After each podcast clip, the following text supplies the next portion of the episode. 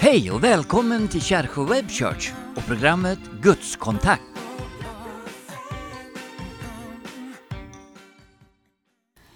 Hej och välkommen till ännu ett program av Kärsjö Web Church och eh, vårat eh, koncept kan man väl säga som heter Gudskontakt. Och varje vecka så tar vi upp nya olika ämnen. Och vill du se Eh, tidigare program så går du in på eh, taltmissionen.se och där hittar du då vägarna till vår Youtube-kanal och där kan du då se en mängd olika, program och olika eh, intressanta saker som vi pratar om. Och jag vill också säga ett stort och varmt tack till dig som har skickat mail till oss eller som har kontaktat oss på andra sätt. Fortsätt med det. Vi är så glada för all återkoppling vi kan få. För där kan du också kanske berätta vad du skulle vilja att vi pratar om och då kan vi ta upp det i något av våra program. Vi tycker också det är roligt att ha många radiolyssnare med oss. Det finns olika stationer utöver Sverige som sänder vårt program Guds kontakt. Och även om du inte ser oss så ska du veta att vi har det jättebra här i studion i Kärsjö uppe i norra Ångermanland. I kvällens program sätter vi fokus på ämnet Är Bibelns skapelseberättelse relevant och trovärdig? Mycket intressant tema, eller hur? Mm. Vår gäst i kvällens program är Jan-Olof Sundin som kommer att intervjuas av Gunnar Johansson. Och Jan-Olof kommer sen få tillfälle att utveckla det här intressanta ämnet. Förutom att Jan-Olof är ljudansvarig för våra produktioner från Kärsjö Web Church så arbetar han också som lärare till vardags och undervisar också som bibellärare i olika ämnen. Det ska bli så roligt att få lyssna till honom ikväll. Men innan jag lämnar över till Gunnar Johansson som tar över nu lyssnar vi på en sång.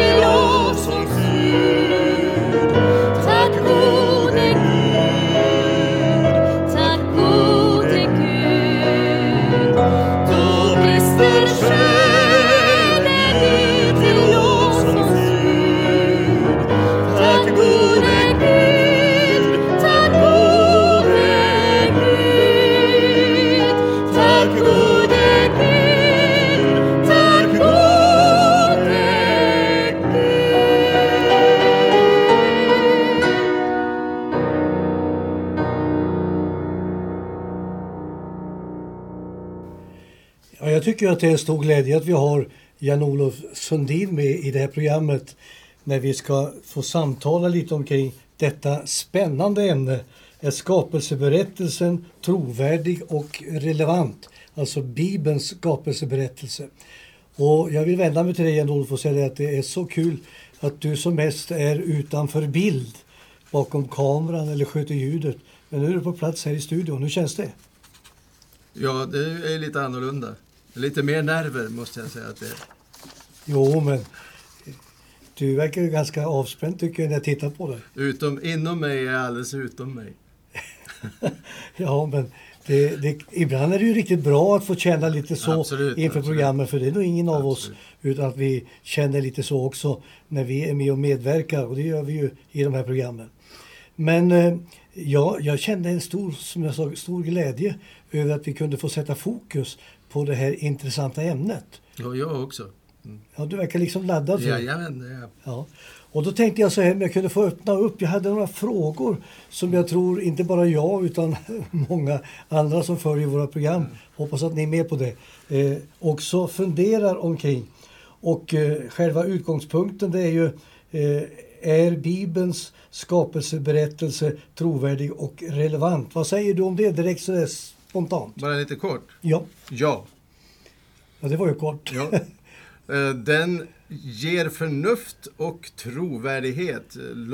Det gör min kristna tro logisk och förnuftig. Ja. Och min världsbild som kristen blir logisk och likadant förnuftig. Så visst är det trovärdigt och relevant, absolut. När du säger min kristna tro, det känns ju för mig ganska naturligt att fråga hur länge är det egentligen som du så där tydligt har varit en kristen? Sedan jag var 11 år, eh, när jag tog beslutet att eh, följa Jesus. Men då var det väl mer eller mindre, jag menar då var det eh, som det är, när man lär sig multiplikationstabellen så gör man det som liten. Men sen så märker man att den håller ju. Så därför stannar man kvar och tro, fortsätter att tro på multiplikationstabellen. Och samma sak är det ju min kristna tro. 11 år sa du. Eh, hur gammal är du nu? 65. Ja, det är fantastiskt. Ja, Det betyder ju att det är ett antal år sedan. ja det är ju det. Ja, ändå ser du så fräsch ut. Ja, tack ska du ha, detsamma. men det är väl sminkören här innan Ja, det är ju det. program. det, är ju det. Ja, nej men som sagt, jag tycker det känns spännande. Jag känner ju dig sedan gammalt och vet ju att du är en man som idogt studerar och inte bara köper vad som helst. Och jag vet ju att du också med det här ämnet har förberett dig. Eh, om jag skulle ställa en fråga nummer två så här som en journalist skulle fråga. Kan du ange tre skäl till att du menar att Bibelns skapelseberättelse är trovärdig och relevant? Ja, långt fler än tre skäl naturligtvis. Men eh, tre skäl skulle kunna vara det första att Jesus faktiskt hänvisar till texten. Um, inte som någon mytologisk text, utan man förstår att det är en berättelse om historien. Ehm, Bibeln säger ju att Jesus är släkt med Adam och det är ju viktigt, inte minst ur det sätt teologiskt viktigt. viktigt. Eh, Sen så en tanke är väl att om Gud lovar Noa att aldrig mer sända en global översvämning som tar död på livet på jorden. Och så var det i verkligheten en lokal översvämning. Ja, men då har ju vår Gud brutit sina löfte, sitt löfte vid väldigt många tillfällen. Det är tre skäl. Ja, spännande. Eh, Jag tycker ju precis som jag vet att också de som följer program, en del av dem i alla fall, undrar Finns det forskare i vår tid som stöder eh, tankarna om just Bibelns skapelseberättelse, tron på det? Ja, naturligtvis finns förvånansvärt många när man börjar undersöka. Um, och det är, ju utav, det är ju deras alster jag läser och lär mig utav. Och väldigt många av dem är så snälla och inser att de som forskare har faktiskt ansvaret att omsätta det på ett pedagogiskt sätt till oss lekmän. En som jag håller på att läsa just nu som är alldeles fascinerande bra, han heter Jason Lyle. Och uh, han är astrofysiker oerhört intressant. Det finns en annan som heter Georgia Purdom som är cellbiolog. Ehm, om du vill kan jag gå vidare, men börjar man med en så, och är intresserad så hittar man flera lätt. Ja. Ja, men jag tycker det var intressant också själv personligen därför att ibland möter man en del människor som avfärdar och säger ah, hur kan man tro på det, det är väl ingen som gör det och vad finns det för belägg för det? Ja. Men det här är ju intressant att ja. även de som jobbar med både forskning och eh, sysslar med det, eh, de är benägna att hålla med om att eh, det här är inte helt fel. Nej men så är det ju, men samtidigt så när de gör det så blir de ju marginaliserade och förlöjligade utav eh, det akademiska samfundet så att säga, i hela västvärlden. Så att deras alster tar ju slut där, de publiceras inte av de medicinska tidskrifterna. Så därför, och de, de publiceras ju ändå på egna vägar då, men därför så räcker det ju inte med en snabb googling för att hitta den här informationen. Men du menar att det är så verkligen? Så är det att verkligen. man marginaliseras och ja, nästan raderas ut ifrån de här sammanhangen? Ja. Ja. Mm. Men eh, du ger det inte? Nej, men jag är så glad för de här människorna för det är ju de som ger mig eh, styrka, råg i ryggen att våga stå kvar än mm. så länge vid att skapelseberättelsen, den håller. Mm. Jag har ju några fler frågor, men jag vill bara fråga dig så här. Eh, har du eh, lanserat, producerat eller skrivit någonting i det här ämnet? Nej, jag är ju en vanlig människa som... Ja, vem är inte det? Ja, jag menar, jag har ju inga examina, teologiska examina. Du presenterar mig som en bibellärare i olika ämnen och jag skrattar åt den titeln från början. Men samtidigt när jag tänker, jag menar bibellärare, ja men då är ju ämnet bibel. Men samtidigt, bibel det finns ju mycket som helst i det, olika tema, ämnen mm. som att studera där. Så det är inte alls fel att säga mm. bibellärare i olika ämnen. Men jag har ingen examen för Nej. att vara bibellärare. Däremot musiklärare. Ja. Ja.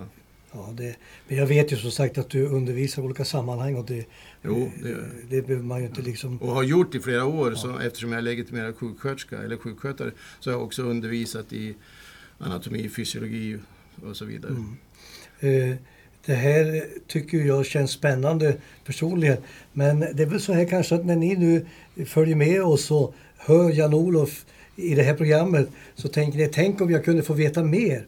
Och då vill jag säga som vi brukar säga att om du har frågor just specifikt omkring det här så är jag ganska säker på att du Jan-Olof är beredd att försöka svara på det. Absolut. Att vi kan återkomma till frågeställningar. Absolut, det vore roligt. Ja. Eh, jag hade en fråga till som jag skrev. Kan du ange några orsaker, brister som gör att man har anledning att ifrågasätta Big Bang och utvecklingsläran? Ja, det är bra att du säger både Big Bang och utvecklingsläran, för det finns ju ytterligare en parameter faktiskt. Det är ju så att först från ingenting, om vi nu ens kan tänka oss ett absolut ingenting, så smäller det ju från en singularitet, kallar man det. Och så får vi hela universum. Men sen har vi ju dessutom ett mirakel till som är gigantiskt för ateisten att tro på. Och det är ju livets uppkomst. Mm. Och där från livets uppkomst, bakterieliknande fenomen, så via broccoli eh, och apor så är vi människor. Det är utvecklingsläran, och, som vi kallar för evolutionen. Eh, evolutionen behöver sedan delas in i två delar, mikroevolution och makroevolution. Och där ser man ju bristfälliga Mm, eh, vi lär oss inte så tydligt om sådana saker i skolväsendet som ju säger entydigt att det här är fakta. Eh, men om, om vi skiljer på mikroevolution som ju är anpassning inom ramen för vad Gud har nedlagt i våra arvsanlag, inom arten, eh, så anpassar vi oss till att ha, ja, om vi tittar på djur, hundar så ser vi långhåriga hundar på kalla breddgrader och vice versa. För de klarar sig inte. Och det är anpassning. Vi ser tjocka näbbar på eh, fåglar och vi ser eh, långa spetsiga näbbar. Men det är fortfarande finkar. Men de anpassar sig till eh, miljöns omständigheter.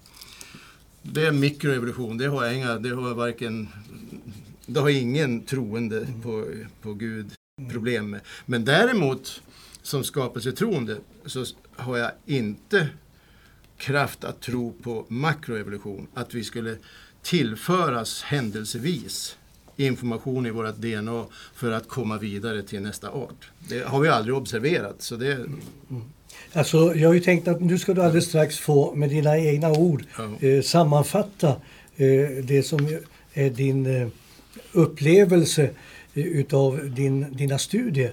Eh, jag sa ju förut att om du har forskare eh, som eh, också kan ge belägg för detta. Men det intressanta är ju att sammantaget så är Bibeln samstämmig.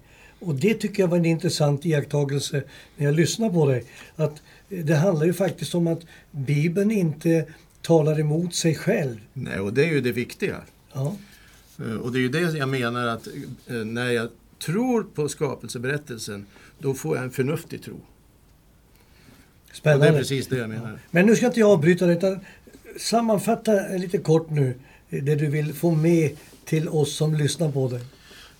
Ja, jag- vill säga färdigt det jag höll på att säga där Jaha. eh, innan jag går vidare. Och det, det är ju en sak till som man behöver hålla isär och det är ju att forskning, Eh, det är ju två olika delar av forskning också. Den ena delen är ju den typ av forskning där man observerar saker och man kan repetera dem. Och den forskningen har vi ju glädje av varje dag. Så det, vi, vi drabbas ju, riskerar i alla fall att drabbas av situationer där folk säger ja men du är antivetenskaplig som troende. Nej, jag tror på vetenskap. Den typ som går att observera. Den typen av forskning har ju tagit oss till månen vet jag. Eh, Så det är ju fantastiskt. Men när vi tittar på historisk forskning och kunna uttala oss om hur det gick till en gång utan att då tro på Bibeln och, och Gud. Då försöker vi tyda det vi ser idag för att dra slutsatser om hur det gick till när det började. Och då gissar man ju, då har man ju hypoteser och, och ja, så vidare. Ja. Och det är inte alls lika trovärdigt längre. Så det kan vara vä- värt att, att ha som ett första steg i- när man börjar titta på de här sakerna, att man sätter sig in i det. Ehm, Men sen om vi, om vi säger, jo, eh, normalt så har ju vi eh, kristna en uppfattning om Bibeln, att det är Guds ord. Det vill säga att Gud har inspirerat 60-talet, nej 40-talet författare är det väl, under 1500 år Ja. ungefär, att skriva. Och där på det viset fått ut sitt ord till oss. Men just när det gäller skapelseberättelsen, det, det, är en intressant iakttagelse bara, så har Gud med sitt eget finger skrivit på stentavlor och säger Tänk på sabbatsdagen så att du helgar den. För Gud skapade på sex dagar och på sjunde dagen så vilade han. Det, det skrev Gud med sitt eget finger på stentavlor. Det är väl intressant tycker jag. Spännande. Ja. En annan, ett annat sätt att se på det är ju att ett år, det är ett varv runt solen, för jorden runt solen. En månad är ju ett månvarv. En dag, och det är ju ett dygn, eller en dy, ett dygn, det är ju jordens rotation runt sin egen axel. Men var kommer en vecka ifrån? Ja, det kommer från skapelseberättelsen. Så hoppar vi över skapelseberättelsen, då förlorar vi ju grunden för det. Nu är inte det någon, någon doktrin, eh, en kristen doktrin. Men vad jag har sett så långt som jag har studerat det här, och det är naturligtvis absolut inte alls särskilt långt, Eh, men jag är på väg. Och jag läser att de som har studerat det här långt uttalar sig typ att det, det finns inte en kristen doktrin som inte antingen direkt eller indirekt har sin grund i Första Mosebok. Och på den vägen är jag nu i mina studier, att ta reda på och se själv att det är så. Eh, men man skulle ju kunna ta bara den viktigaste doktrinen, eh, den viktigaste kristna doktrinen. Vilken är den? Jag kan tänka mig att du som präst i hela ditt liv tänker direkt evangelium. Och för det är det väl ändå, den viktigaste kristna doktrinen. Och vad betyder evangelium? Jo, det betyder de goda nyheterna, eller de glada mm. nyheterna. Ehm, men vad är de dåliga då?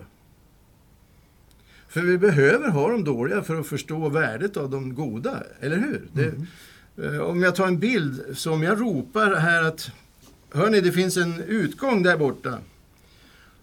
Då är det ju risk att de jag ropar det till säger ja, och det kan ju hända att vi vill härifrån så småningom, men det är ju bra här nu. Ja. Men om jag då tillägger att det brinner här bakom och det är några gastuber som kommer att explodera, då fick ju det där värdet av den första informationen en helt annan dignitet. Samma sak är det ju med de glada och goda nyheterna, evangelium. Om jag berättar att Jesus har dött för dig, så du kan få dina synder förlåtna, bara genom att tro på Jesus. Och man har ju ingen koll på vad synd är eller vad, ja, någonting. Men de dåliga nyheterna, om jag börjar med dem, vad är de i den kristna tron? Jo, de är där den kristna tron börjar. För kristen tro börjar ju inte i Nya Testamentet. Den börjar ju faktiskt i Första Mosebok i skapelseberättelsen. Ja, vi började kallas för kristna i Antiochia. Men världsbilden och den kristna tron, den börjar i Första Mosebok. Och grejen är ju den att Gud skapade världen till ett paradis. Med oss där i det paradiset. Och vi gjorde uppror mot Gud och ställde oss på ormens sida. Sen har ju Gud en plan att så småningom skapa en ny himmel och en ny jord, ett nytt paradisiskt, eh, paradisisk tillvaro för oss. Det är bara att synden kan inte komma in där. Och då betyder ju det att du och jag kan inte komma in där. Men de goda nyheterna är att Gud själv har gjort det möjligt genom sin son Jesus Kristus. Så det räcker att vi tror på Jesus Kristus. Alltså jag tycker att, eh, jag lyssnar med mycket intresse på det här. Men, men, men jag tycker alltså att vi bör ha en uppföljning av detta program. Eh, för nu landar ju du i doktrinen evangelium. Ja. Och det känns ju viktigt också att få stryka under det för alla er som följer oss i det här programmet. Men eh, om du som sagt har frågor och funderingar så får du gärna höra av dig till oss. Eh, Mejla eller eh, smsa oss du som följer Kärrsjö Web Church eller gå in på hemsidan www.taltmissionen.se. Och eh, jag vet inte om vi ska nöja oss med det här just nu. För jag märker att det bara rinner som ett... Ja, jag kan hålla på. ja, men det är jättebra. Jag vill säga ett stort tack till dig Jan-Olof. Tack, vad roligt du... att jag fick komma hit. Ja. Jag, uppskattar förtroendet. Ja, ja. Och, och, och, det känns bra. Och, eh, vi har ju dig mestadels ute i studiorummet. Ja, det kommer jag fortsätta att Ja, men eh, mycket tack för det här eh, pålästa ämnet. Och eh, vi säger välkommen åter till Kärrsjö Web Church. Och vi tack hoppas nu att ni också följer oss fortsättningsvis. Tack för att ni har varit med oss i det här programmet.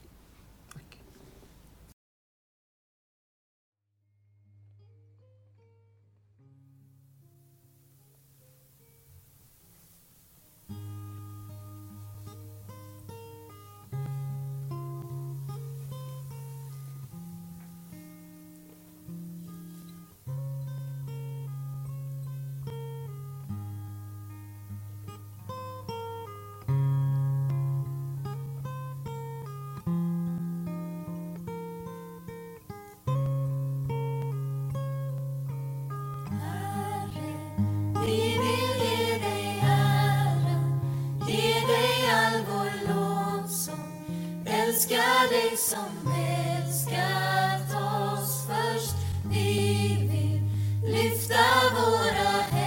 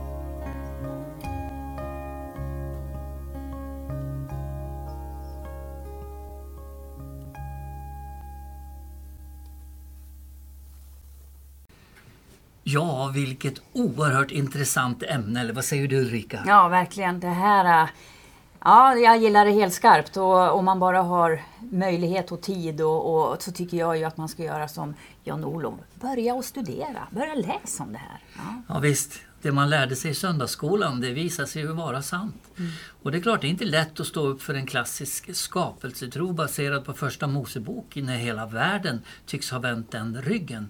Men det är gott att veta att det finns en som har hela världen i sin hand. Och för mig känns det extra tryggt i tider då man talar om den annalkande katastrofen och klimatet som håller på att löpa amok och att vi människor minsann kan ändra på det här då är det underbart att veta att han som skapade denna värld, han har också den skapelsen i sin hand. Och det innebär att vi kan fokusera på att göra gott, att hjälpa andra, att förkunna evangelium så att så många som möjligt kan följa med oss till det eviga livet. Eller hur? Ja, och jag tänker också på rädslor. Det är ju lätt att bli rädd och att man fruktar. Det står mycket i Bibeln om fruktan. Och det är det sista vi ska göra därför att fruktan binder oss. Så att det här, alltså har man precis det du säger, att, att man kan slappna av i att Gud har faktiskt allting i sin hand, då behöver vi inte frukta. Kommer du ihåg den här sången vi sjöng när vi var yngre? Han håller hela världen i sin hand, han håller hela världen i sin hand. han håller. Just det. Och det betyder precis det vi sjöng. Han håller hela världen i sin hand. Så det här ämnet ska vi fortsätta och samtala om i program som kommer. Jag vill tacka dig Jesus för att det Jan-Olof har berättat om, att det är sant och det överensstämmer med den berättelse vi finner att läsa i Första Mosebok, hur du skapade himmel och jord. Tack himmelske Fader att vi kan vila tryggt i det faktum att skaparen, Jesus själv, han håller hela världen i sin hand. Och nu vill jag be för alla de som känner ångest över klimat, de som känner ångest över miljö och hör på alla skräckhistorier. Jag ber att de ska få vila i dig, Herre. Att få slappna av och veta att du håller allt i din hand. Och så ber jag att vi alla ska vara goda världsmedborgare som tar hand om din skapelse, vårdar den på bästa sätt och gör det möjligt att vi får ett gott liv här på jorden. I Jesu namn. Amen. Ja, då är detta program alldeles strax slut. Och eh, som vanligt så vill vi tacka dig för att du har varit med och eh, tittat på det här eller om du har lyssnat via en podcast. Så detta oerhört intressanta ämne som vi nyss har avhandlat, det kommer vi också som Lennart sa att fortsätta att prata mer om. Vill du ge en gåva till Tältmissionen så går det alldeles utmärkt. Du kan eh, eh gå, du kan, då är det plusgiro, då är det 69 35 77-9 eller swish 123 036 70 86. Väl mött nästa vecka! 100%